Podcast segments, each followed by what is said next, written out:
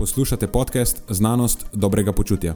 To je oddaja, v kateri odkrivamo, kako lahko znanost pomaga izboljšati vaše počutje in kako kritično razmišljanje omogoča sprejemanje dobrih odločitev na področju zdravja in fitnesa.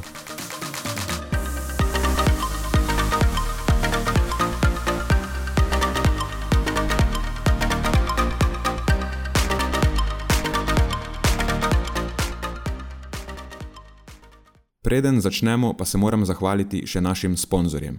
Zaenkrat to še vedno ni velika korporacija, temveč zvesti poslušalci, ki nam izkazujete zaupanje in podporo s prijavo v našo člansko skupino Znanost dobrega počutja.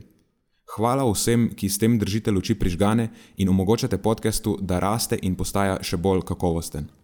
Hvala tudi vsem, ki nas podpirate s pozitivnimi komentarji in visokimi ocenami, ter s tem, da priporočate podcast svojim znancem in prijateljem. Zdaj pa je končno čas za začetek epizode. Uživajte ob poslušanju.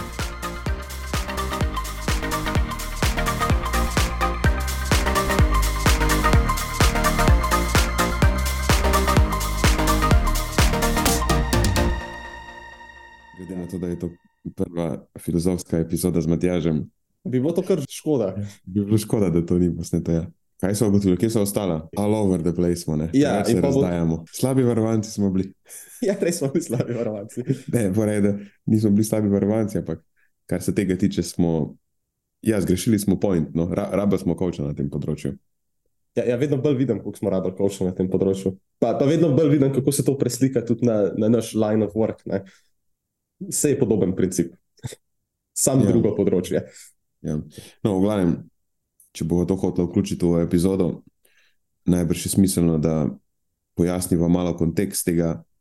Tudi pri Filgodu imamo zdaj koča, imamo biznis koča, ki nam je, ki nam je na prejšnjem coaching sestanku povedal, koliko, je to, uh, koliko smo si zapletali življenje s tem, da smo delali 500 stvari naenkrat. In pol, ne samo, mislim, prvo, prvo kot prvo, vse to je najpomembnejše od vsega, da je izjemno obremenjujoče, je, ko počneš uh -huh. Mhm. toliko stvari naenkrat. Pol, ko smo končali sestanek, sem, sem se spomnil še na ene par stvari, ki jih sploh nismo dodali na seznam. Mhm. A Tudi jaz. Tudi jaz. Ja, tako je bilo na začetku, na tem sestanku smo sestavili seznam stvari, s katerimi se pri Filgodu trenutno ukvarjamo. In je bila pač polna tabla. Se tudi, če bi hotel dodati, ne bi več mogel dodati. Ja, in že v osnovi je bilo to 20 različnih točk. In to Ja. ne tako nepomembnih točk, vsaka izmed njih terja veliko energije in pozornosti, ne samo ene osebe, pogosto. Ja, ker so kompleksni projekti, so vsi. In kar, ja, kar se tega tiče, smo bili res. Enostavno je reči ja. ko Ti, veš, ko ti, sploh, ko si enkrat na tej točki, ko ljudje pogosto te, te vidijo kot nekoga, ki bi ga bilo fajn vključiti v kak projekt, pa so to generalno dobri projekti, in, po, in pol pridejo k tebi z idejo nekega dobrega projekta, kako boš temu rekel ne? Ja, težko. Res težko. Ja. Da se res reče, ne, včasih je tako, ena izmed najtežjih stvari. Ali pa kar je, kar, ali pa kar je še, ne, to je pa še bolj, ne vem, če lahko rečem čudno, ampak ker tudi neka ideja zraste na tvojem zelniku in pol greš nekomu, pa mu rečeš, "Ej, jaz imam to idejo. Mislim, to se Marijo dostkrat zgodi, ne? Marijo ima dostkrat neko idejo. In pol pride k nama z idejo, ki je v osnovi dobra ideja. In bi bilo super, da jo zasledujemo. Samo Mogoče ne ta trenutek. mogoče ne ta trenutek, ki jih imamo že 20. Dajmo raj zaključiti eno izmed prejšnjih točk, preden, ali pa, ali pa idealno, ene pet različnih točk prej, preden gremo dodajati karkoli na seznam. Da, zdaj smo na tisti točki, kjer v bistvu smo ugotovili, da, je, da se mi ne držimo tega včasih, kar na področju prehrane ali pa vadbe doskrat zahtevamo od naših varovancev. Tega. Mi, mi smo to ugotovili konkretno na tem našem, nekako se temu reče, poslovnem področju. Mhm. Eh, Nismo dobro prioritizirali stvari. Nismo dobro prioritizirali, ne vem, kako naj drugače temu rečem. Ne moreš vsega naenkrat, ker na koncu pol doskrat ni nič od tega. In je izjemno, ja. psihološko izjemno obremenjujoče, se to. je. Ker z eno stvarjo naenkrat se lahko vedno ukvarjaš, ne pa ajde z dvema, s tremi. Veš. Med dvema pa tremi lahko tudi prešiftaš. Delaš malo eno par ur, pa pol drugo par ur, ali pa en dan eno, en dan drugo. Ko jih imaš pa deset, ali pa bog ne da je dvajset, potem pa padeš v neko, um, v neko, v neko, ne, neko paralizo, Mhm. ki, ki ne veš, kaj točno je zdaj, bi bilo smiselno prej početi, pa veš, da vsak projekt, ki ga imaš, zahteva od tebe, da se usedeš vsaj za eno uro v kosu, ampak ti veš, da te ene ure nimaš in ga pol prelagaš, in pol nekje v zadju ga imaš, ki te kljuva, ampak moš, ampak moš, ampak moš, ampak moš. Sam tisti trenutek ti že teče rok za nekaj drugega, kar je tudi precej kompleksno, in na koncu sam ni v redu. Uh -huh. Nauk, nauk te zgodbe je, da pač moraš dobro prioritiz prioritizirati in, in zbrati dve ali pa tri najpomembnejše stvari. Točno to. E, kar je bil za, tudi za me tako zelo pomemben moment. Za par tistih točk smo rekli, ah, pa se to lahko pustimo gor, se to je uspod, pod narekovaj. Ne? Ampak se glih to je, ne? gre se za to, da ti tam v zadnji skozi neki kljuva, pa ti ne da miru konstantno. Tud, res res um, nabere se potem in je izjemno psihično obremenjujoče, kot si rekel. Da jih potem res raj na stran, ali greš z njimi all in, ali pa jih daš čist na stran. Ne pa neki vmes, ne me tu ne sivine, ja, veš. Uh, Ne, ne bo uspod. dobro. Ne, Ja. gospod. Uspod se ne zgodijo stvari. Sploh ker, a veš, koliko smo neumni. Sploh ker vemo, da ne znamo ničesar uspod narediti. Ne, Ajde, ne. kdaj si naredil nekaj uspod, pa si rekel, ok, pa vse je v redu, vse Ne. ne. je za dosti dobro. Nikoli nikol tega ne naredimo tako, ker je vedno ali se nečesa lotiš 100 posto, a pa ne, ono, ki rečejo, še več kot 100 posto, ne, čeprav več kot 100 posto ne obstaja. Točno ja. to. Mislim, jaz ne morem, da pol, a veš, nekaj narediš in potem tisto pogledaš, ok, iz tega ne bom dal v eter. To ni dovolj dobro. to niti dovolj dobro ni. To je, to je kar nekaj. Zdaj je treba to še, in zdaj treba temu vložiti še fulejnih ur dela, zato da ga narediš tako, kot je po tvojih standardih. In pa kar naenkrat ta uspod rata ogromen projekt. in uh, In je, igra- da ga nismo ja. tretirali kot takega že v štartu, ne veliko teh stvari. Tako, okay. In, in pol, če ne narediš tega, vsaj po nekih minimalnih standardih, na koncu je sam izvor nekega obremenjevanja, reči temu slabe vesti, če hočeš. Ampak pač veš, da je neki, si si hotel uspod narediti, ampak ti ni uspelo uspod narediti, in poanta je, da ti ni uspelo narediti. In ti to doje- dojemaš kot pač ni mi uspelo narediti. Ja. Failure. In, ne? ja, in, je, in je pač zabeleženo kot failure. In ker imaš pet takih stvari, ki so zabeležene kot failure, pa se kar sekiraš. No? Ja, dejansko vse. Če, če ne drugega, že tako podzavestno. Uh, tako da sem zelo, zelo hvaležen Borutu, da nas je pel skozi ta, um, skozi ta miselni proces, skozi to nalogo. Skozi to Ja. Borut je naš coach, by the way. Tako, Borut Jeglič, uh, odličen v kontekstu uh, poslovnega svetovanja. Ja, mislim, Borut je tako pogledal nas je za, za en sestanek, pa je točno vedel, o čem se moramo pogovarjati. Jaz mislim, da kaj Borut tebe videl, videl je skozi, veš, skozi tvoje oči, v tvojo dušo, ne nad, this is what you need right now. To potrebuješ ta trenutek. Ja, tako da je. Mm, Treba bo nekaj kuriti svečo na vseh koncih. Uh -huh. In treba bo zaključiti neke stvari. Ni- Nisem, nisem mislil, da bom kdaj rekel to.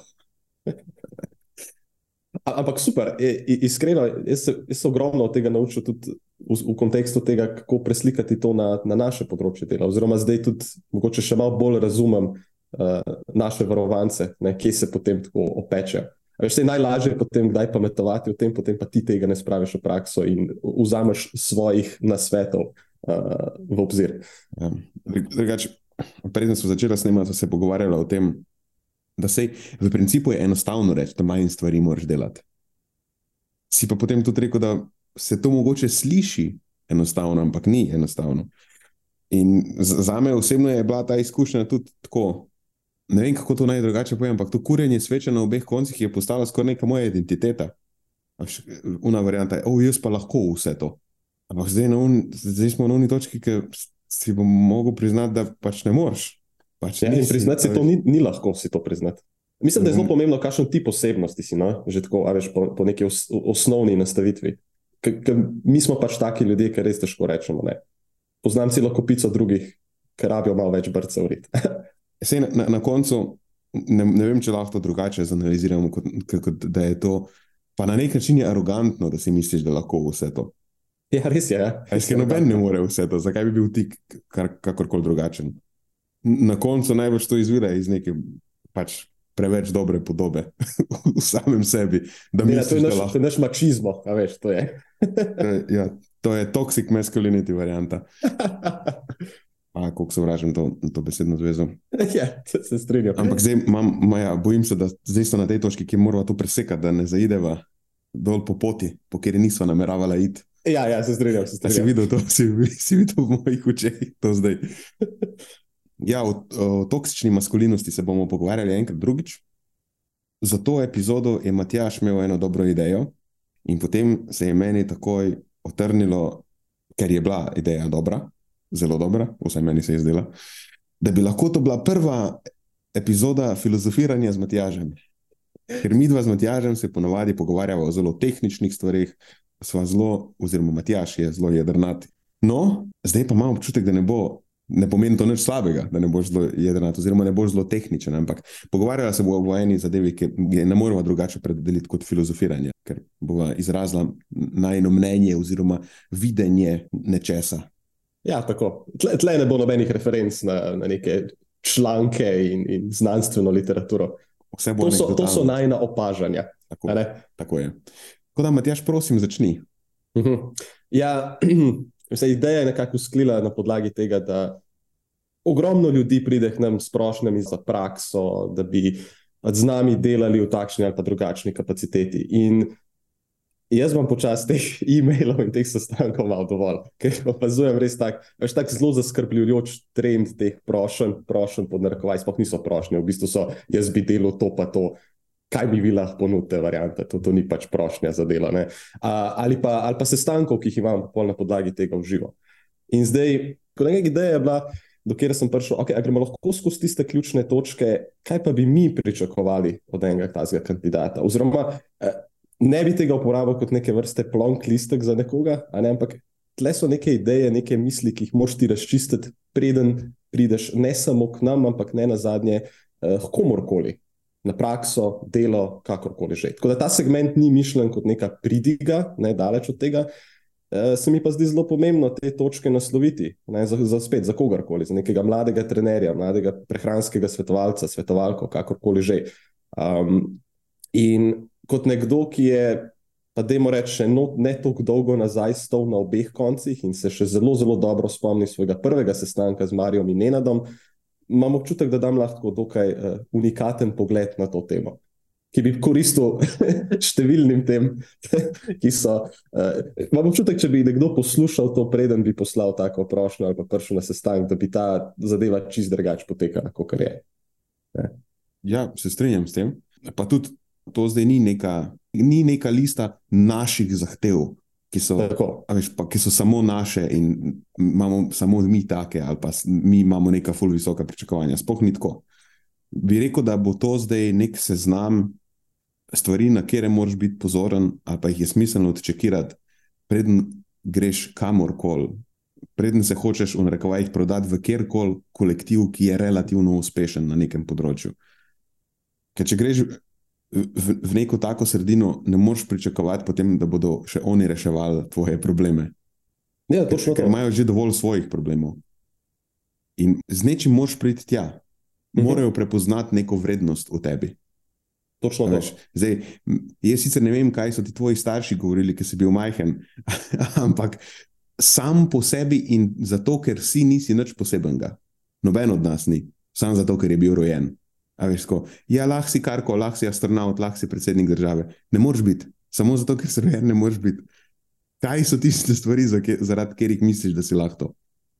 Točno to. To je resnični svet. A Veš, ne prideti sem, pa potem biti samo še dodatna točka, ki jo mi dodamo na seznam naših obveznosti ali to-do list ali whatever. Bodi nekdo, ki nam pomaga odkljukati te točke, a veš, nekim svojim unikatnim pristopom in kakorkoli že, ne, da ne bom zašel predaleč. Uh, tako da, ja, to so recimo neke točke, ki bi si jih jaz želel, da ima tak posameznik razčiščen, še preden nas sploh kontaktira. In nisem jih glih razvrstil po, po vrstnem redu, mogoče bi jih lahko, ampak vsekakor pa se mi zdi to najpomembnejša točka v štartu. In sicer, kaj so tvoje vrednote? Zato, ker preden začneš delati z nekom, veš, preden, kako vam angliži rečejo, preden skočiš v pojstvo z nekom, ne, uh, je zelo pomembno vedeti, veš, kakšna sploh je ta oseba, ne, kakšen je njen eh, način razmišljanja, njegova filozofija. Ker a veš, lahko si magister tega, doktor unega, ampak če se ne poklopimo že na nivoju osebnih vrednot, je zgodba v bistvu zaključena, preden se sploh začne. Strokovnost je vsekakor nekaj, kar mi cenimo in tudi druge cenijo, ampak človeškost in tvoje vrednote so pa nekaj, kar še toliko bolj. To je prva točka, po mojem. Um, Tako da, evo, mogoče da dam tudi primer svoje zgodbe tukaj. Ker tukaj sem pa iskreno, čist po pravici povedano, tle sem pa jaz pofejlal na nek način, preden sem jaz prišel v, skup, v ekipo. Um, jaz sem iskreno posvojil naše vrednote post-festum, ali pa bolje rečeno, nisem jih dobro obesedil pred našim prvim ekipnim sestankom. In, in mi je, zelo mi je žal za to. Vse potem, ko razmišljam za nazaj, sem, veš, vse veliko, mnogo izmed teh vrednot sem v bistvu že, um, kako bi te rekel, prakticiral, oziroma so bile nekako ugravirane vame, ampak vsem bi, uh, bi veliko več odnesel od tega, če bi se pač veš, usedel za mizo, dobesedno in, in si vzel dovolj časa in te stvari razšlenil, uh, še preden sem prišel v kolektiv. Tako da domača naloga na nek način za vse. Veš, usedi se, razmisli, kaj so tvoje vrednote. In, in ko rečem vrednote, ker to je zdaj odgovor, ki ga najpogosteje dobimo, um, varianta, ne vem, rad bi pomagal ljudem. Što ni vrednota. In, in to, je, to je tako zelo površno. To ni dovolj. to ni dovolj dobro, rekoj. Ne?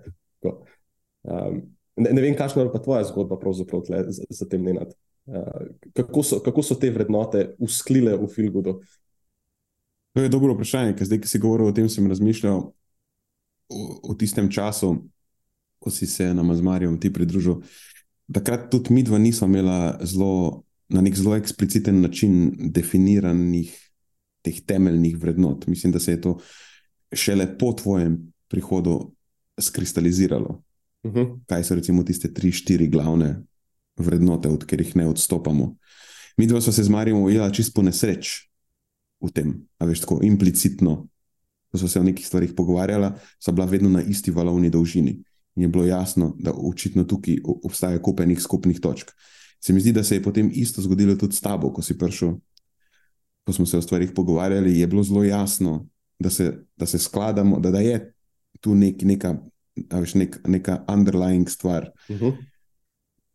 Ki zaenkrat sicer ni zelo eksplicitno definirana, ampak da se evidentno skladamo. In potem mi trije skupaj v bistvu smo to dali na, rečemo, list papirja ali pa smo, smo, smo obesedili, kaj so te vrednote. Ampak, če bi pogledal od zunaj, najbrž bi lahko se, vse najbrž se je to zgodilo pri tebi, si se prepoznal v tem. Ja, tako, tako. Kar smo mi dva z Marijem prakticirala, pa kar je bilo implicitno, relativno očitno, pa mogoče ni bilo eksplicitno zdefinirano. Uh mhm. -huh. Ampak zdaj na tej točki pa mislim, da mislim, zdaj imamo to na strani napisano, kaj so. Zdaj res ni težko preveriti, zdaj je res zelo eksplicitno. In če ti prideš na sestanek, pa te vprašamo, a ti sploh veš, kakšne so naše vrednote, in je tvoj odgovor ne.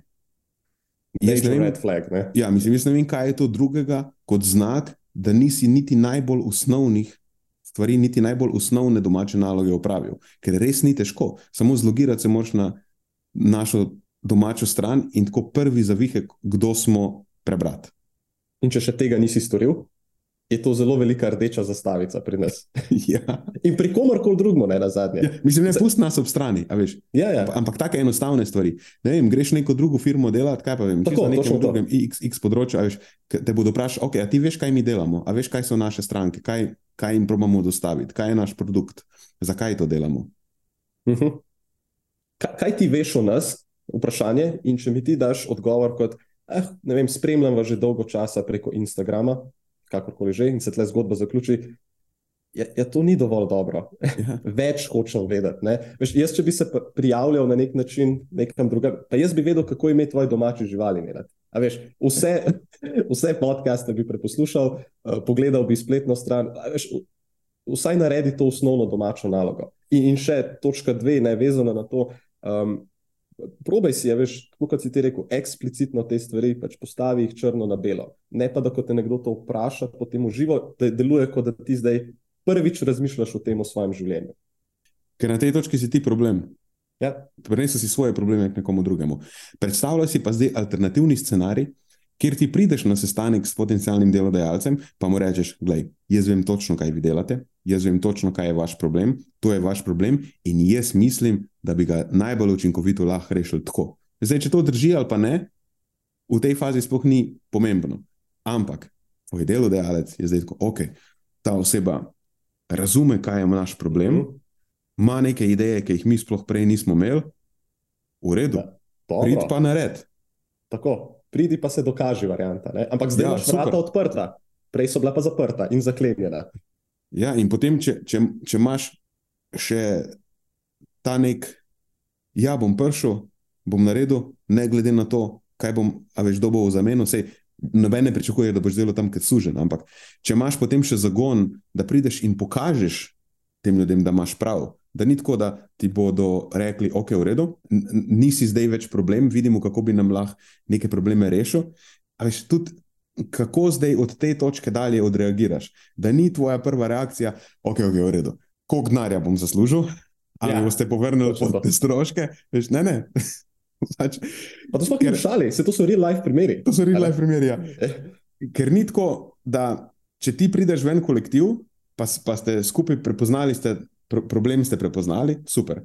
Zdaj ta kolektiv ima najbrž neko idejo, kako ta problem do zdaj rešuje. Če si ti prišel z alternativno idejo, verjetno obstaja razlog, zakaj oni te alternativne ideje trenutno ne probajo izvajati, ali pa veš, trenutno ne probajo rešiti svojega problema na ta alternativni način, da so se odločili za nekaj drugega. Ti zdaj njim v tej točki moraš še nekako vsaj na začetku dokazati, da je ta alternativni način boljši, mhm. boljši pristop, in šele takrat, ko jim boš uspel to demonstrirati v praksi, bodo oni imeli neko, nek incentiv, nek, kako je po, po, po slovensko. Pač nek motiv, da bodo nek, dejansko nek motiv, ja, da bodo začeli več investirati vate, ne samo svoj čas ali pa nekih minimalnih resursov, ki jih lahko zdaj namenijo temu, am- ampak da te bodo tako posvojili in bodo rekli, ok, super.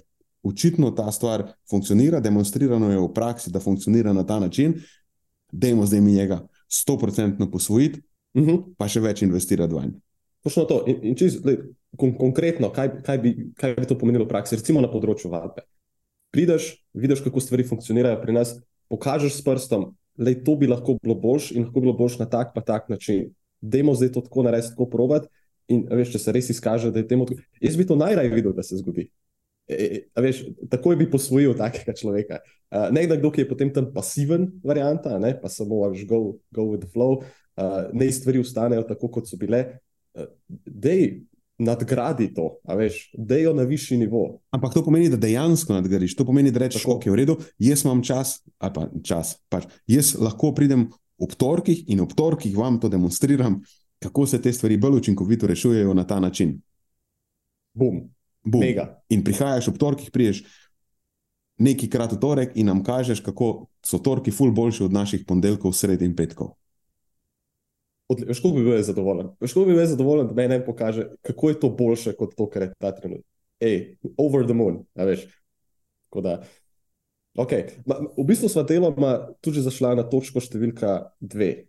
Um, in sicer, jaz sem tako obesedil. No? Um, kaj, kaj tebe naredi unikatnega in kaj ti prineseš k mizi? Ne, zelo, zelo pozor. Ne, kaj bi ti rad delal in kaj ti pričakuješ od drugih, ali ampak kako lahko ti dodatno prispevaš k ekipi. Zelo, zelo pomembna ločnica. Ker vsi pridejo na te sestanke ali pa pošljajo mail nekaj v tem stilu. A Veš, jaz bi rad delal to, pa to, rad bi dobil izkušnje, rad bi delal s tako pa tako populacijo. Ej, super, ampak kaj imamo pa mi od tega? Veš, kaj pa ti prineseš k mizi? Ker če česa mi res ne maramo, pa predpostavljam, da je to tudi druge, je ta um, entitlement, ne ta neka upravičenost do vsega, uh, brez da bi si to nekako veš, zaslužil predhodno. Uh, tako da ja, predvidevam, da je to tudi druge, ne samo pri nas. Še kaj dodava na tej točki, vem, da razmišljaš. Ja, raz, razmišljam, razmišljam o tem entitlementu. Na to smo že namignili prej, ker sem rekel, da ne vem, kako so te starši vzgajali. Ja, ja, ja. Pa zdaj na tej točki ne bi hotel izpadeti kot ajšen starček, ki jamra. Ja, ta današnja mladina je taka pa taka. Ne? Ne. Ampak se mi res zdi, da je to neka generacijska stvar. No? Da, da, da so te no- novejše generacije bile vzgajane na nek način, kjer jim je bilo veliko tega dano, brez da bi se rabili za neke stvari potruditi. Ali pa tudi, če so se rabili potruditi, nikoli ni bilo vprašanje, ali bodo na koncu to dobili. Važno je samo, da nekaj malo truda vložiš in poje kul. Cool. Na koncu cilj je zagarantiran tak, z ugodnim zaključkom. Ker Recimo, ne, ne morem se ti spomniti nobenega plastičnega primera, ampak veš, recimo, ti se nečesa želiš in pol ti st, eh, starši, recimo, da je to zdaj kontekst. In pol ti starši rečejo, ja, sam veš, za te stvari se moraš potruditi. In pol se ti kao trudiš, se, ne vem, nekaj časa in pol na koncu to dobiš. V redu je. V, v večini situacij, če se za dost potrudiš, je večja verjetnost, če se ti potrudiš, je večja verjetnost, da boš na koncu res to dobil, za kar si si prizadeval. Ampak veš kaj, ni vedno tako. Ni vedno tako. Obstajajo situacije, kjer se lahko za neki ful trudiš, ful se trudiš, res se razdajaš, ampak na koncu pač ne dobiš tega, eh, česar si želiš. Veš, do ničesar nisi upravičen. Nisi upravičen ni takrat, ko se res ful trudiš za neko stvar. In se mi zdi, da tega novejše generacije ne razumejo. Da končen rezultat nikoli ni zagarantiran. Nikoli ni zagarantiran. Še manj pa je zagarantiran, če se za to sploh nisi pripravljen potruditi. Ampak tudi, če si se pripravljen potruditi, pač, a veš, niti mu ne morem reči, kako dolgo se boš rabo truditi, kako dolgo bo trajalo, da prideš do tega, kamor hočeš priti. Niti ne morem reči, da boš sigurno prišel točno tja, kamor hočeš priti, ali pa dobil točno tisto stvar, ker umisliš, da si ti zaslužiš, ker si vložil dok in tok truda. Uh -huh. Tega se mi zdi, da današnje generacije ne razumejo. Ker en izmed preteklih takih primerov so prišli ljudje, ki so se bili sicer pripravljeni truditi, ampak z napačno predpostavko, ja, veš, da bo ta trud mogel trajati precej omejen, omejeno Mhm. količino časa in da jih na koncu čaka točno taka nagrada, kot so si oni na začetku predstavljali, da je nagrada za ta trud. Čeprav jim je bilo eksplicitno rečeno, da temu ni tako. Ja. Zelo jasno je bilo to v komunikaciji, večkrat. Ne? Tako da, amen, to, kar si rečeš, dobrodošel v resnični svet na nek način. Ta stvar nima časovne omejitve. ni to šest mesecev, potem pa kar, ups, to je to. Ja. a Veš, ti priješ recimo nekam delati, pa si na začetku full zagnan in full delaš in full prispevaš kolektivu, in vsi te prepoznajo kot nekoga, ki je dober za ta kolektiv, ki je ne, v narekovajih dober delavec, in pol to dva, tri mesece ti tako delaš, in pol se, se, se spomniš, da okay, zdaj se jaz že trudim dva, pa tri mesece, mislim, zdaj si pa že nekaj zaslužim. Ne? Zdaj, a bom dobil nek, ne vem, a mi lahko rezervirate parkirišče tam sam za me, ali, a veš, a lahko dobim kakšno povišico, mislim, zdaj se že dva, pa tri mesece trudim, ne? Veš, Halo, to pa ni kar tako, ne? Ja, to pa ni kar tako. a Veš, ne? Ponavadi, ko sem bil mlajši, sem po enem tednu dobil že to. Pač mogel sem se en teden truditi, pa sem pa dobil to, kar Pa si sem zdaj to, hotel dva, tri mesece, veš, koliko je pa to več, kot en, dva tedna. Ja. Ampak pač resnično življenje ne funkcionira tako. Ne funkcionira tako. Na koncu, če ti prideš in rečeš, hej, jaz si zaslužim povišico, ok, v redu, na podlagi česa. Mislim, a si pr pripeljal neke nove stranke, a si to, da ti si tukaj, se je nekako odrazilo na, na, na prihodku, na podlagi katerega bi zdaj lahko utemeljili to, da si ti zaslužiš več denarja. Neki, neki, neki konkretni indikatorji morajo biti, da si ti dejansko te stvari eh, zaslužiš. In ponavadi, če moraš prositi, ni teh indikatorjev, ker dober delodajalec, če si ti koristen, bo to prepoznal, pa ti bo, a veš. Ne boš ga rabo prepričevati, da si zaslužiš več. Ponavadi, Ja. no? Ne boš ga rabo prepričevati, ne boš ga rabil opominjati na to, ne boš ga rabil prositi, dano ti bo. Mislim, lahko se zgodi sicer, da tvoj del- delodajalec malo pozabi na to, ker se ukvarja z veliko drugimi stvarmi, ampak če ga ti tako upomniš, pa mu rečeš, hej, lej, jaz sem tukaj, zgodilo se je to, pa to, vsi vidimo, kako se stvari premikajo v pravi smeri, pač evidentno je, podatki kažejo, moja prisotnost tukaj je zelo koristna, razmišljal sem na podlagi tega, ali lahko a Mhm. veš, dobim kak dodaten benefit. Ja, ja, In makes bo pol sense. delodajalec rekel, hm, shit, model ima prav. Zakaj pa ne? Se je vse zelo dobro utemeljeno. Tako, tako. Dajmo ga nagraditi ustrezno za to. Super. Mislim, da so to točko kar dobro pelele. Ja. Ja. Glavno, po- Poanta je, če tukaj zelo ne vem, koliko so bila koherentna, a, pa je drenata na tej to- točki, ampak poanta tega je, da prvo kot prvo ničesar si ne zaslužiš sam zato, ker si in za vsako stvar se, se bo treba potruditi. Pa tudi, če se potrudiš, ni nujno, da bo točno tako, kot si zamislil, da bo. Pač tako je resnično življenje, ni, nek, ni neka pravljica, a veš, ki sledi neki idealizirani poti. Če vse vklukaš, pol na koncu prideš do tistega cilja, ker ga si, si ti zamislil, Mhm. v točno taki obliki, kot si si ti to zamislil. Ko to obesediš na tak način, lahko marsikomu malo porušiš dojemanje sveta, ampak s tem mu pa ne ponudiš neke boljše alternative. Se mi zdi, da je mhm. boljša alternativa nekako najti način, da se sprijazniš, če se sprijazniš, pravi, najbolj spodbudna beseda, ampak da se naučiš, tudi ne vem, če je uživanje prava beseda, ampak ja, da se naučiš uživati v procesu, uh mhm. -huh. da, da, prela, pa, da najdeš srečo v procesu, ne da prelagaš svojo srečo na nekaj, kar pol bom srečen, ko bom dobil to, kar hočem imeti. Ker pol na vsakem koraku trpiš v upanju, da pol na koncu, ki bom pa dobil to, kar hočem imeti, bom pa srečen. Ker v nekih drugih okoliščinah, ko si bil doma, pa si vedno dobil to, kar hočeš imeti, je mogoče ta pristop funkcioniral, ker na koncu si vedno dobil to, kar si hotel imeti. Pa se ti je zdelo vredno malo potrpeti, pa reči, ok, bom vredno, bom, bom preskočil teh par ovir in tako mi bodo na koncu dali to, kar hočem imeti. V redu. Ko sta mamica in ati tako prijazna, da ti vse omogočita, pol mogoče, je tak mindset primeren za to okolje. Ampak za resničen svet ta mindset ni primeren ker je uno na koncu, nikoli ni garantirano, doskrat se ne zgodi. In moraš najti način, je tako, da pameten človek ne išče sreče v nečem daleč stran ali pa izven sebe, ampak pameten človek grows happiness under his feet. Pač, veš, pameten človek naredi, da sreča raste pod njegovimi nogami. Sveč mi je to. Tako, ta, ta mindset, da, da ne prelagaš sreče na neko idealizirano prihodnost, ki se morda ali pa po vsej verjetnosti nikoli ne bo zgodila. Išči srečo v procesu. Ja. In ja, jaz verjamem, da je to zelo težko spoznanje. Mislim, vem, da je za me zelo težko spoznanje.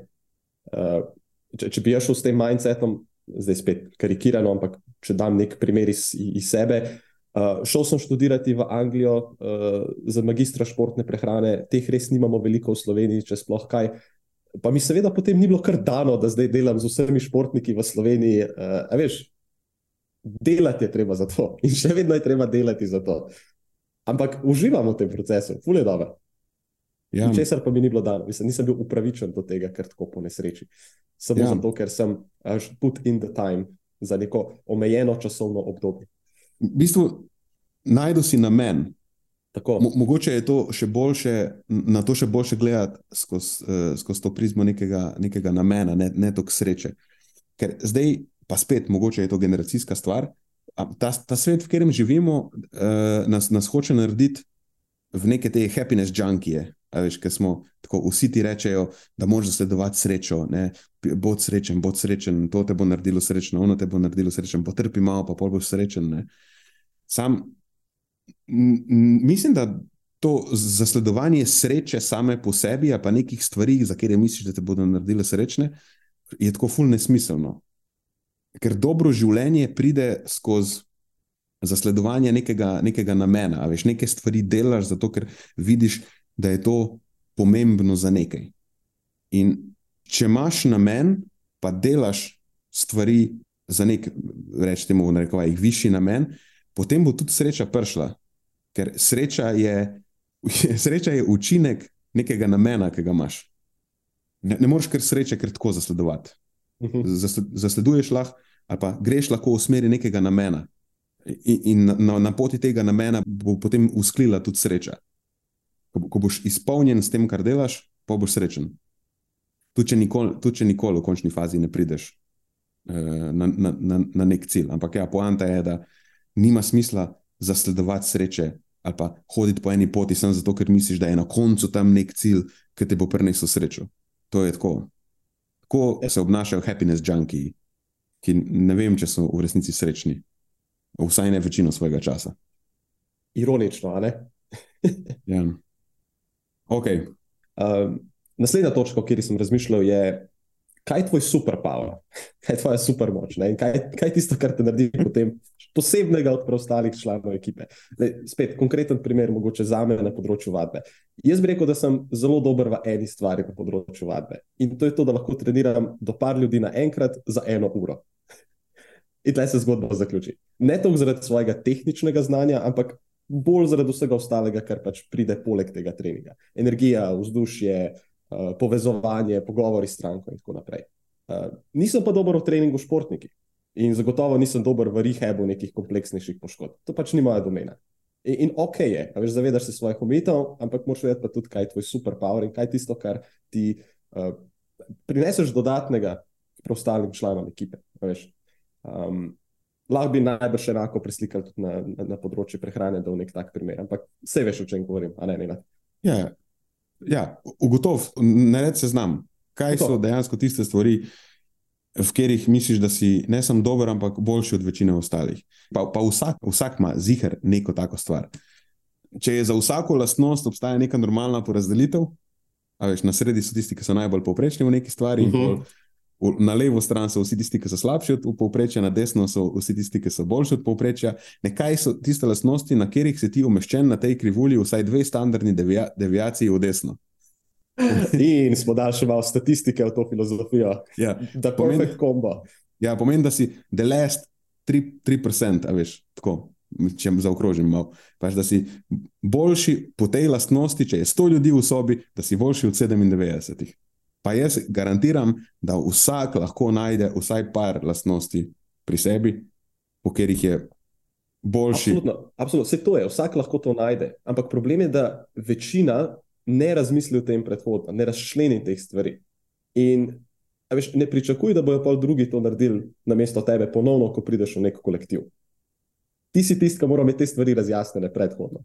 Se mogoče so to ene stvari, ki jih boš potem veš, post-facem ugotovil. Ja. Mogoče so to tudi stvari, ki se ti zdaj trenutno ne zdijo ful pomembne, zato kar hočeš doseči. Ampak gre se samo za neko osnovno poznavanje samega sebe.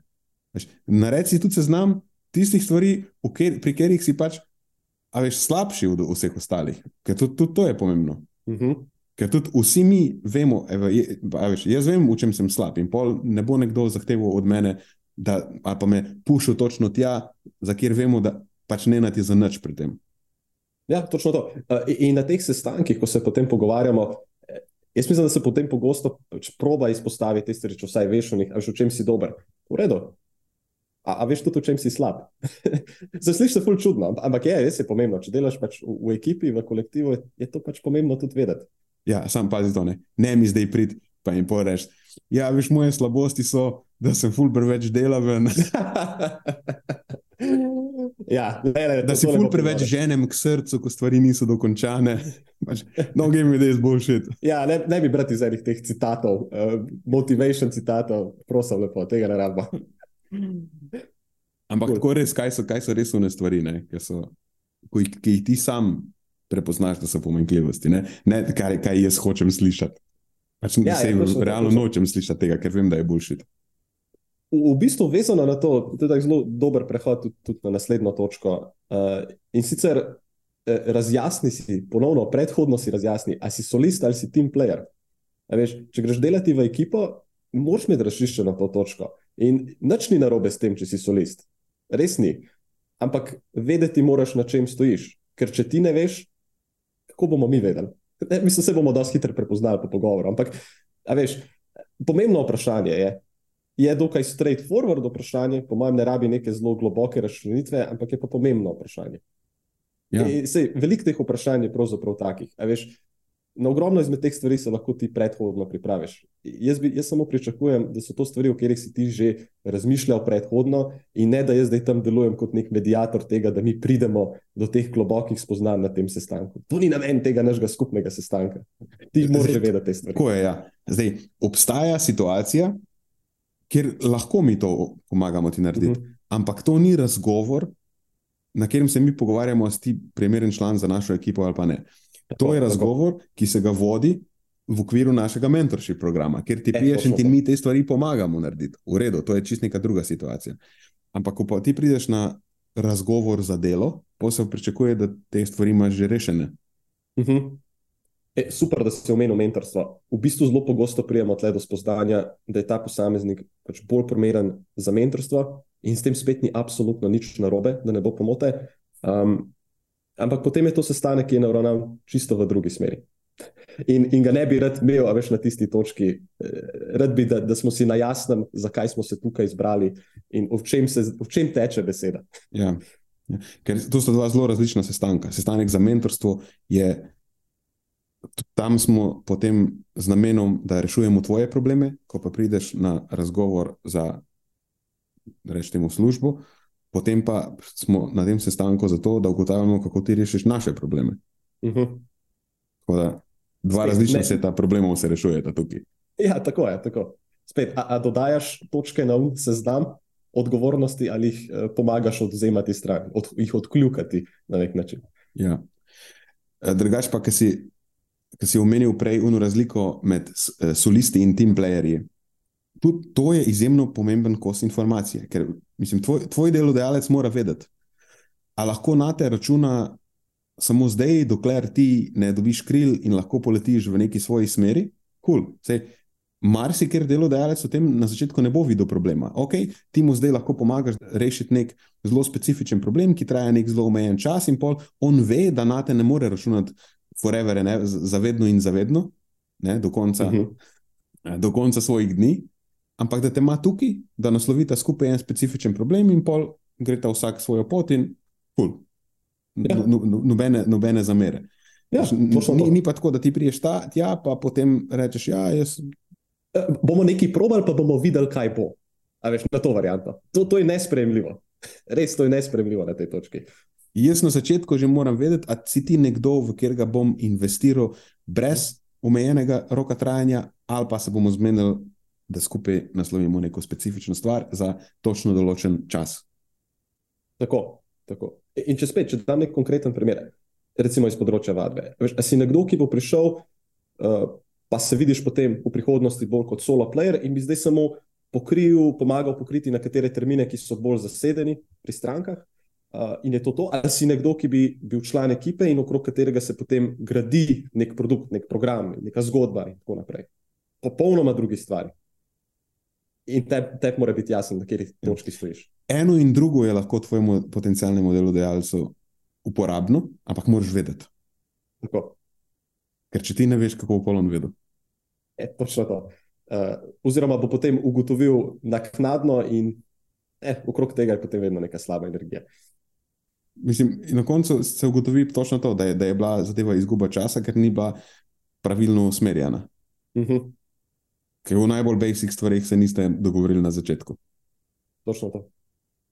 In pol, delodajalec je imel neka pričakovanja, ti si imel neko svojo idejo, in pol na neki točki ugotovite, da tvoja ideja in, in njegova pričakovanja niso bila usklajena. In pol se jih tudi hitro zgodi, da se potegnejo zaključki v, v, v, v smislu, da je zdaj on meni malo lagal na začetku, pa me je malo uh mhm. -huh. zavajal, pa sem jaz investiral malo več, kot bi bilo to za me koristno vanj, a me je tako malo prenesel v kol. Uh mhm. -huh. Bad vibes. Ja, ja, slaba energija. Okay. Gremo kar na naslednjo točko. Tako je. Mm, pomembno vprašanje, spet mislim, da si ga mnogi ne zastavljajo. A si pripravljen delati stvari, ki podrekvaj, morajo biti narejene, čeprav ti niso najljubše? To je tudi nekaj, kar smo deloma že naslovili. Um, recimo, primer. Mislim, da večina kinezologov pride k nam z neko željo, potem, da bi bodi si delali športniki ali pa delali nek rehab. Ampak, ok, veš, mi nismo podjetje, ki se s tem ukvarja, kot prvo. Drugo kot drugo, to ne pomeni, da ne moramo s časom zgraditi nekega produkta oziroma programa, kot česa takega, ampak Do takrat imamo pa tle celo kupico drugih projektov in drugih stvari, ki morajo biti narejene. Veš, celo kupico podnebnih navadnih smrtnikov, ki ne rabijo nekega ekstra special, uh, super duper športnega treninga ali pa rehabilitacije in ne vem česa, rabijo dober trening. A, veš, a, a, si, a si pripravljen take stvari delati za voljo tega, da ne vem, veš, enkrat kasneje delaš vedno več tistega, kar pa se ti zdi, da ti je ljubše v, v štartu. In, in zelo pomembno, se ti zdi, da ti je ljubše v štartu. Ker realno gledano, ko ti priješ iz faksa, se ne veš čistočno, kaj je tisto, kar bi ti rad delal. Sliši se ti v glavi, ful dobro, da bi delal z vrhunskimi športniki, naknadno pa ugotoviš, da v bistvu temu sploh ni tako. To je bila tudi ena moja realizacija, tako čisto iskreno povedano. Jaz sem sicer že delal kot trener dve leti, preden sem prišel v Filgut, ali so tri leta, še nekaj v Angliji. Um, Ampak jaz sem zares začel ekstra uživati v treningu z navadnimi smrtniki, šele takrat, ko sem se pridružil ekipi Filgu.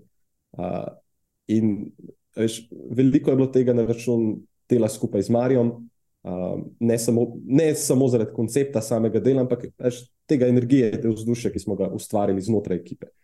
In moram reči, da je to zdaj delo, ki v štartu, ko sem prišel noter ekipo, smo se iskreno pogovarjali, če bi si rad več delal, več, več športne prehrane, prehranskega svetovanja, več treningov, so rekel športne prehrane. Če bi me zdaj isto vprašanje vprašal, ne, nisem prepričan, da bi to rekel. Sem tako, bolj 50-50. Zato, zato pravim, uh, ni nujno, da to, kar ti ta trenutek misliš, da je zares res. To moraš da tudi v prakso na nek način. Veliko krat imamo idealizirane predstave o nečem. Tako. Veš, to je zdaj spet, če se vrnem na une astronaute, ko si majhen, hočeš biti astronaut. Mhm. Prvi problem, ki ga imaš, je, koliko je astronautov. Pa kakšen je delež mladincev, ki si želijo postati astronauti? Veš, Ja. rec- Recimo, da, si, da si na neki točki svojega življenja 20 odstotkov uh, mladincev želi postati astronauti. Prostih mest za astronauta je pa koliko, lahko po moje prešteješ na prstene roke. Ne? Ja, to pa je. Vsi ne boste mogli postati astronauti. To, to je prvi problem, ki ga imaš. Drug problem je pa potem ta, da a ti sploh veš, kaj pomeni biti astronaut. A si bil astronaut? Ker eno je, kako so astronauti prikazani na nekih naslovnicah, pa kako Mhm. ne, so, Neki so, super zvezdniki. so neki superzvezdniki, pa kako to zgleda na zunaj. Druga stvar je pa, kaj delo astronauta dejansko zahteva. A ti veš, da ko, ko greš v vesolje, pospešeno zgubljaš mišično moč, pa kostno mineralno gostoto, pa da je pol večje tveganje za sarkopenijo, pa za osteoporozo. A veš, da je tukaj kup enega dela, ki na zunaj ni vidno, da je kup enih žrtev, ki jih moraš sprejeti, veš, kup enih stvari, ki jih ver, mogoče celo nisi pripravljen sploh ne plačati, zato da bi na koncu bil astronaut. A veš, vse, vse to moraš, ja, moraš, moraš, moraš dobro premisliti, ne, a je na koncu to res nekaj, kar si, kar si uh, želiš v vsej svoji celoti, da si pripravljen plačati tudi ceno, ki jo to ima, ne samo, da si želiš pozitivnih stvari tega. Tako, tako. Je ta, ta idealizirana neka utvara tega. Pazi to, da bi en študent arheologije šel v ta proces, misleč, da bo na koncu Indiana Jones. Ej, ne bo se to dogajalo, veš, ne, ne boš se tam te poznaci, pa, uh, pa odkrival neke neverjetne, nekaj boš izkopaval tam, pa tako naprej. Naš ti narobe, ste ne pomote, sam, što sta čist dve drugi stvari. Ne, kako je nekaj prikazano, pa kaj ti misliš, da pride s tem, pa kaj je potem realno to v končni fazi in kaj dejansko vse to prinese seboj. Se, veliko teh stvari, o katerih so se pogovarjala tudi prej, se potem združi. veš. Mhm. Zdaj, če bom jaz srečen, bom pol, ko bom postal Indiana Jones. Vse Ja, one ja. ovire, ki moram, jih bom pa zdaj nekako preskočil. Veš, pa, Znam biti, da ne boš pol nikoli srečen, ker nikoli ne boš Indiana Jones. Moraš se naučiti, a pa zbrati v bistvu tisto pot, v kateri boš užival na poti, ne na koncu. Sploh, sploh, pa je, sploh pa je slabo, če položiš upanje na prihodnjo srečo v nekaj, kar je v bistvu nek tak ful idealiziran cilj, ki sploh ni dosegljiv. Potem si se pa res ustrelil v nogo. Ker Mhm. prvo ne uživaš na poti, tvoj cilj, ki ti bo pa kao prinesel nekoč srečo, je pa sploh nedosegljiv.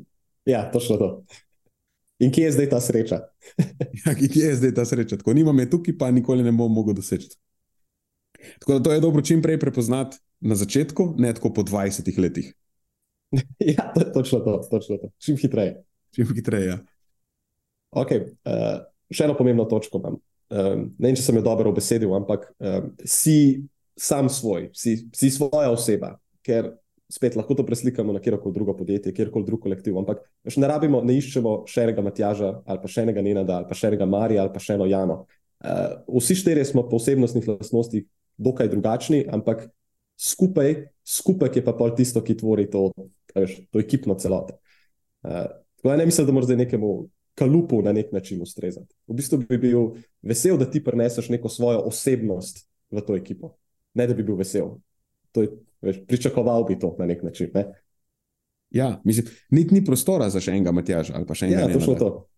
Ker bodo, tukaj bodo potem vedno bo ali neko dupliranje ali neka trenja. Ne, jaz realno ne verjamem, da bi lahko še z enim nenadom obstajal.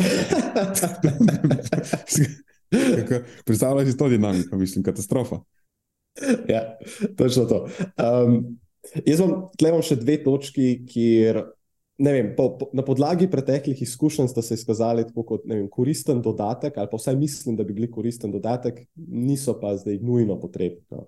Uh, in sicer ena taka točka, ki mi je padla na pamet, je, da si nekdo, ki ima zgodovino iz ne solo, ampak iz ekipnega športa. Zdaj govorim pa konkretno pa za film, ne, ne na splošno. Mhm. Ker to mi da vedeti, da, si, veš, da ti je ekipna dinamika zelo dobro znana. Uh, in še ena bonus točka, razumel boš, ali pa razumela boš vse prispodobe od Marija, ki so vezane na ekipno delo iz sveta košarke. Uh, mogoče se sliši tako malo čudno, ampak dejansko je, po mojem mnenju, nekaj na tem. Veš, uh, v bistvu si nekako bil vzgojen skupaj s tem. Jaz sem sicer iz solo športa, um, ampak iz atletike namreč. Ampak uh, se mi zdi, da se je tam vseeno razvila neka taka ekipna dinamika in zakaj sem ustrajal tako dolgo časa v atletiki, je bilo predvsem zaradi ekipe ljudi, s katero sem bil obkrožen in smo potem skupaj trenirali uh, in tako naprej. Ne pa zato, ker sem zasledoval svoj individualni cilj. Ja, yeah, good point. Čeprav zdaj razmišljam, ker doskrat lahko živiš pod napačno predpostavko, da si solo igralec, pa pravzaprav nisi. Zna biti, da, da to izvira iz tega, da si nisi odgovoril pravilno na tisto prejšnje vprašanje, nisi dejansko ocenil pravilno, kaj je dejansko najbolj smiselno, ne končni cilj za te, ampak v kateri smeri si je najbolj smiselno prizadevati. Ker jaz bi zase rekel, preden smo začeli z Marijem sodelovati, sem bil trdno prepričan, da ne, jaz pa definitivno moram biti solo igralec, ker se pač tež, zelo težko se vklopimo v kjerkoli kolektiv. In, imam vedno neke svoje, več ali manj čudne ideje, ki, s katerimi noben ne rezonira, pa tudi ne, ne maram, da nekdo drug vpliva na, na, na moj proces, ali ne vem, kako to naj drugače povem. Sam pol, šele s časom, po poti, pa v bistvu ugotoviš, pa jaz sem ugotovil, da je bila to čist napačna predpostavka, da mi je ful bo še tako. In še, še zdaj ne vem, če se lahko opišem kot nek najbolj arhetipski, timski igralec, a, ampak Vem pa, da mi je trenutno v tem okolju dosti bolj udobno in tudi, da je to na dolgi rok za me, ne samo poslovno, ampak tudi osebnostno, dosti bolj koristno biti timski player, kot eh, biti pač tam nek solo odpadnik. Uh mhm. -huh. Ne bi zdaj rad govoril v imenu Marija, ampak on nam je tudi zelo pogosto razlagal to zgodbo, ne, kako je štartal kot, kot solo player in v eni točki ugotovil, da ne iz poslovnega vidika, ampak predvsem iz, iz nekega vidika, čist osebnega vidika, da je biti član ekipe ja. tisto, ja. kar dejansko potrebuje. Ja, ker spet to, da si ti solo, pa znaš vse sam, pa si najboljši za to, pa ne, one man band, pa igraš na mhm. vse inštrumente. To je nekaj, kar na zunaj izgleda precej fajn, impresivno, je nek tak ego trip moment. Uh mhm. -huh se ti zdi super privlačna ideja, ampak ne vem, ne vem če sploh kdo je sposoben plačati davek, ki ga tak končni rezultat zahteva, ali pa tudi če nek krajši, omejen čas je pripravljen, ne vem, če je to nekaj, kar je dolgoročno najbolj smiselna uh mhm. -huh. strategija ali pa pot, po kateri greš. Ker na koncu, a veš, vse ljudje smo tako socialna bitja. Ja, res smo. Ne vem, če je lahko kdorkoli optimalno, da je reč, srečen v svojem življenju, če je sam. In to se potem preslika tudi, ne, ne samo na življenje na splošno, ampak konkretno tudi delo. Lahko, ja. Ja. Jaz, jaz vem, da se, da se podpišem pod to, definitivno. Že od začetka nekako sem vedel, da, da je to nekaj, brez česar jaz ne morem rabim nekoga, da mi pokrije hrbet, in z veseljem pokrijem hrbet tudi nekomu drugemu, ki smo ja. v istem čovnu. Da, tudi, veš, tudi če si se na koncu, tudi če greš po solo poti, če se odločiš za solo pot, se mi zdi, da je še vseeno smiselno razmisliti o tem, ok, v redu, večino stvari bom delal solo, ampak lahko najdem vsaj neke zaveznike. Uh mhm. -huh. Ja, da neke alijanse sklenem na poti ja, do tega. Veš, da bomo ekipa vsaj pri unih stvarih ko bo to, ko bo to nujno ali pa ko bo to pomembno. Uh mhm. -huh. Ja, okay. in, in to je to. Če ti prideš na sestanek in rečeš, da jaz bi rad solo stvari izvajal, ampak vidim pa, kako pri nekih stvarih bi mi koristilo, da sem povezan z drugimi. Až to je pomemben kos informacije. V redu je, Pol, mi lahko razmišljamo o tem, kje so stvari v katerih se lahko povezujemo, vemo pa, da na te ne moramo računati kot na nekoga, ki bo all in Uh -huh. de, del ekipe. In spet, potem ne bo nobenih bad vibes, ker vsi delamo v isti smeri in točno vemo, vse je transparentno. Uh -huh. Okay. Okay. Imam, še, imam še čisto zadnjo točko. Uh, in mogoče je to samo moj pogled na to, oziroma, ja, definitivno je to moj pogled. Uh, nisem še čisto usidran na njega, ampak ta trenutek razmišljam v tej smeri. Uh, in spet to spada v kategorijo kot dober dodatek, ne pa nujno potrebno. Ampak vsaj v naši liniji dela se mi zdi pomembno, da, da je šport zagotovo integralen del tvojega življenja na eni strani, ampak ni v ospredju tvojega življenja. Je tukaj, da obogati tvoje življenje, ne pa da ti gojiš neko obsesijo po športu in ga postavljaš na prvo mesto. Um, skratka, imeti nekega posameznika, konkretno pri nas v ekipi, ki nima izjemno, izjemno visokih športnih oziroma estetskih ambicij. Ker jaz bi iskreno raj videl nekoga v ekipi, ki mu je bolj mar za dosego ciljev svojih strank, uh, kot pa to, da potem on uh, trenira desetkrat na teden, po 15 ur in tako naprej. A, a veš, kaj mislim? Uh -huh. uh, in spet, mogoče je to samo nek uh, moj unikaten pogled, uh, konkretno za, na, na good ekipo. Ne, nikakor ne mislim, da se to preslika na celotno fitness industrijo, ampak veš, tukaj smo iz fitness industrije, pač prihajamo neki taki športni junki. Enega tazga športnega junkija, mislim, da več ne potrebujemo. Mislim, je kul, da imaš ti neke svoje hobije, pa lahko, lahko so ti hobiji tudi šport, s katerim se ukvarjaš, uh -huh. pa, pa si dost resen rekreativec, dost resen športnik. Uh Mhm. -huh. Ampak ja, gre se za to, da ni to prioriteta v tvojem življenju. Tako, tako. In to je pravzaprav to. To je bil, to je bil seznam, ki sem si ga pripravil. Uh, mogoče sem kaj izpustil, po vsej verjetnosti se bo ta seznam še malo razširil v bodoče. Uh, in spet bi sam to poudaril. No. Ni bil namen tega, da je to pridiga, na, namen je bil sem sprožiti tok misli. Če hočeš nekaj doseči, prije do neke točke, da se vrata res odprejo, potem so to stvari, o katerih bi si jaz želel, oziroma pričakoval, da nekdo razmisli uh, vnaprej. Če pa kdo rabi pomoč pri tem in še pri mnogem drugem, potem pa naj razmisli o mentorskem programu pri nas, ker bo to bistveno boljša uh, točka, kot pa trkanje na vrata za prakso in podobne stvari. -huh. Dej, zdaj, samo za konec, še enkrat vsa vprašanja od začetka do konca povzem. -huh. Torej, ta vprašanja so bila, kaj so tvoje vrednote, to je bila točka številka ena. Točka številka dve, kaj te naredi unikatnega in kaj prineseš k mizi. Točka številka tri je bil, kaj je tvoj superpower. Točka številka štiri, a si solist ali team player.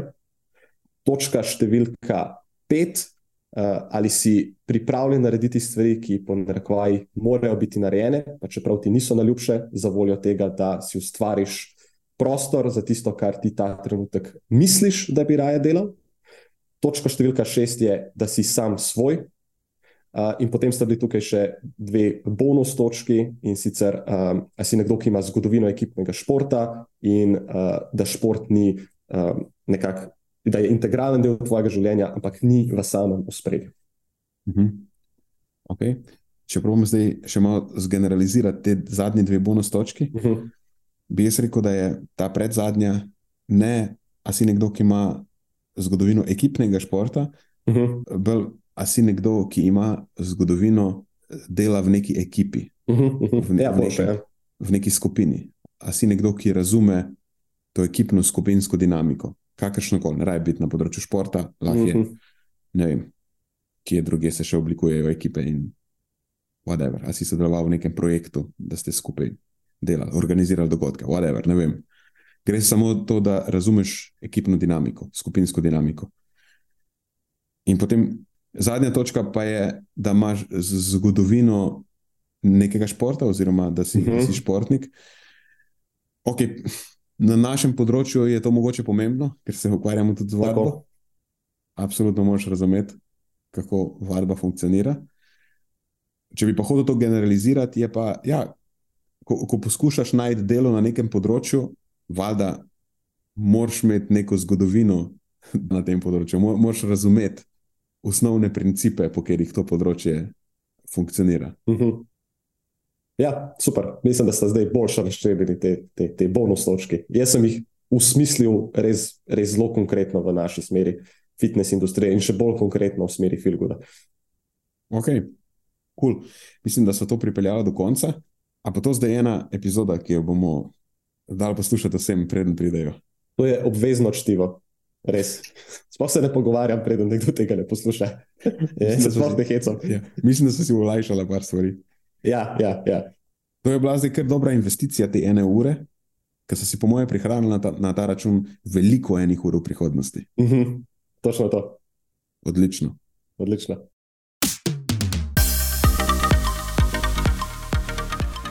To je za tokrat vse iz naše strani. Hvala, ker ste poslušali do konca. Delite epizodo s svojimi znanci in prijatelji in jo priporočajte dalje, saj s tem omogočite, da sporočilo znanost dobrega počutja doseže čim večjo množico. Hvala vsem, ki nas podpirate s članarino in tudi vsem ostalim, ki delite podcast dalje in nam izkazujete naklonjenost z visokimi ocenami in pozitivnimi komentarji. Se slišimo prihodnjič, do takrat pa ostanite premišljeni.